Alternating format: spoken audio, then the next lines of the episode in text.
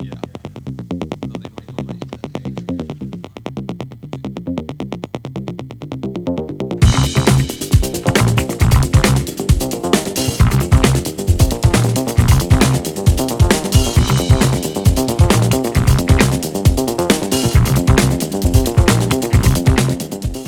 Ne yapıyorsunuz? Umarım her şey yolundadır. Az önce yaptığım yayın kaydedilmemiş. Kaydedilme ayarlarını açmamışım. Tabii sinirlendim haliyle. Bir sürü şey konuştum. Podi'nin kurucusu Cüneyt Bey'in konuk olduğu bir video vardı. Onu izledim. Genel olarak değerlendirdiğimizde başarılı bir uygulama ama şöyle eksileri var bence. Android ve iOS tarafında bir stabilizasyon eşitliği yok. Android tarafında bazen ses durmaları ve tıkladığımızda yüklenen podcastler ve microcast dediğimiz o kısa ses içeriklerinde duyulmamalara neden olan durumlar var ama iOS tarafında bu sorunları çözmüşler gibi görünüyor. Onun dışında web arayüzü mutlaka ve mutlaka olması gerektiğini düşünüyorum. Çünkü %40'lık bir kesim hala bilgisayar kullanıcısı ve profesyonel prodüksiyonlarla podcast üreten insanlar var. Ben de ara ara podcast üretiyorum. Spotify'da ve Google Podcast ve buna benzer bir sürü podcast platformunda yayınlıyorum. Bu içerikleri yayınlayabileceğimiz Türkiye'den çıkmış bir mecra olması gurur veriyor. Ama onun haricinde iOS ve Android az önce de bahsettiğim gibi stabilizasyon eşitliği mutlaka mutlaka sağlanmalı ve şu da unutulmamalı bence. Sadece tablet ve telefon kullanıcılarına hitap etmemeli. Eğer ki bir sosyal medya şeklinde bir platform kurmak istiyorlarsa yani diyor ya röportajında biz diyor podcast'te sosyal medyalaştırıp bir format oluşturduk. Bir platform, bir uygulama geliştirme yolculuğunu açıklıyor. Evet çok güzel bir fikir ama bu milyonlarca kullanıcıya hitap etmek istiyorlarsa eğer bilgisayar kullanıcılarına da podcast yükleyebilecekleri ve sosyal medya etkileşiminde bulunabilecekleri bir alan açılması gerektiğini düşünüyorum. Herkes emülatör kullanıp uygulama yüklemiyor bilgisayarına. Veya buna benzer güzel prodüksiyonlarını tablete atıp çünkü adam diyelim ki 30 dakikalık bir podcast çekti veya 15 dakikalık bir podcast çekti. İyi bir prodüksiyonla beraber bu ses dosyalarının büyüklüğü de artacak ve bu büyüklükteki dosyaların transfer süreleri vesaire. Ya kimse uğraşmak istemeyecek bilgisayar kullanıcıları tarafında. Ama Spotify podcast'te böyle bir şey yok. Adam bilgisayardan yüklüyor dediğin gibi ama bak videoda da şöyle bir şey dedi. Altına yorum yapma vesaire bir etkileşime geçme, mikro cast alabilme vesaire. Hani bu özelliklerin olması çok güzel olduğu için Podi'nin diğer podcast dinleme platformlarına da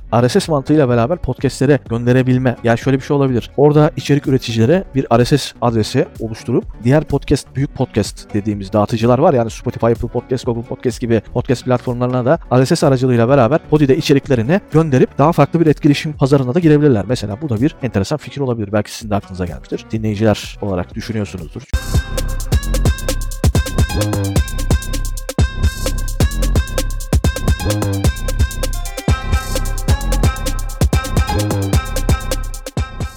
şuna inanıyorum. Bir insanın eğer bir fikir aklına gelmişse başka bir insanın da o fikir aklına gelebilir. Düşüncelerin etkileşiminden bahsediyorum. Bu önemli bir anekdot bence. Girişimlerini kendilerinin finanse ettiklerinden bahsetti. Geçmişte çok fazla startup girişimi olan, zaman zaman batan, zaman zaman da iyi sonuçlar alan biri olarak ve 2006 yılından beri yazılım sektörüyle haşır neşir bir insan olarak şunu söylemek istiyorum. Çok kapsamlı, çok detaylı, çok işte emek verilmiş bir proje. Ben her şeye saygı duyan bir insanım ama %75 reklam ve pazarlama olmadığı sürece dibe çekiliyor. Benim daha önceden 2016 2016-2015 yıllarında çok kapsamlı bir sosyal medya projemiz vardı. İçinde podcast üretebileceğiniz, sesli mesaj gönderebileceğiniz, sesli odalar, canlı yayın odalar açabileceğiniz, mikroblogging yapabileceğiniz, makale yayınlayabileceğiniz, Wikipedia gibi içerikler üretebileceğiniz bir platformu biz cehaletimizden diyeyim artık veya başka bir sebepten vizyonsuzluğumuzdan da olabilir bilmiyorum. Dedik ki ürün çok güzel olsun, reklam ve pazarlama az olsun, kulaktan kulağa zaten duyulur mantığıyla biz ilerledik ve battık o projede. %100'ünü batırmasak da %40'ı battı, %60'lık bir yatırımımızı kurtarma şansımız oldu. Ama %25 ürün odaklı ergonomik olması, kolay olması ve kullanışlı kullanılabilirliği. Yani şöyle bir şey var yani 5 yaşında çocuğa bile bunu verdiğinde kullanabilecek seviyede olan uygulamalarımızda da başarıya ulaştık. Ama burada %75'lik bir kesimde reklam ve pazarlamaya önem vererek bu başarıya ulaştık. Kaliforniya'da çok ciddi bir podcast kullanıcı erişimi ve etkileşiminin olduğunu söyledi ve çok başarılı bir test bence. Amerika bu işin zaten yuvası, evi, göbeği 1 milyar dolarlık bir kazanç havuzuna ulaşabileceklerine ve unicorn olabileceklerine savunuyor. İnşallah olurlar ama şöyle bir şey söylemek istiyorum. Hedefleri çok büyük tutmaktansa hedefleri orta vadede ilerleyebilecek şekilde planlamalarını ben daha çok mantıklı buluyorum. Çünkü 1 milyar dolar, 5 milyar dolar hani bu rakamları direkt hedefleyip bir şeyler söylemek başarısızlık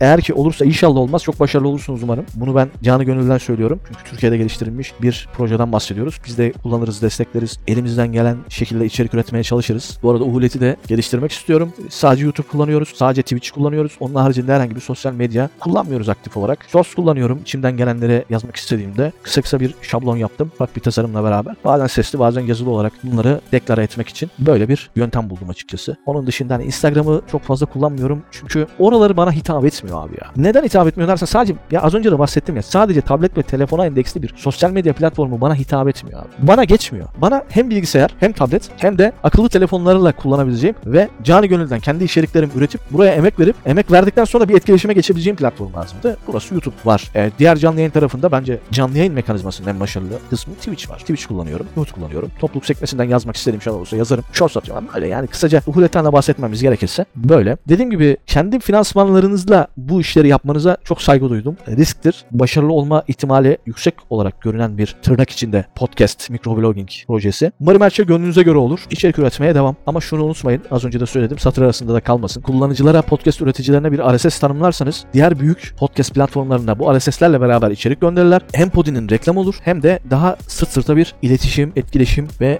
Fediverse dediğimiz bir biliyorsunuz toplu içerik üretme sisteminde siz de yer almış olursunuz. Görüşmek üzere. Herkese bol şans.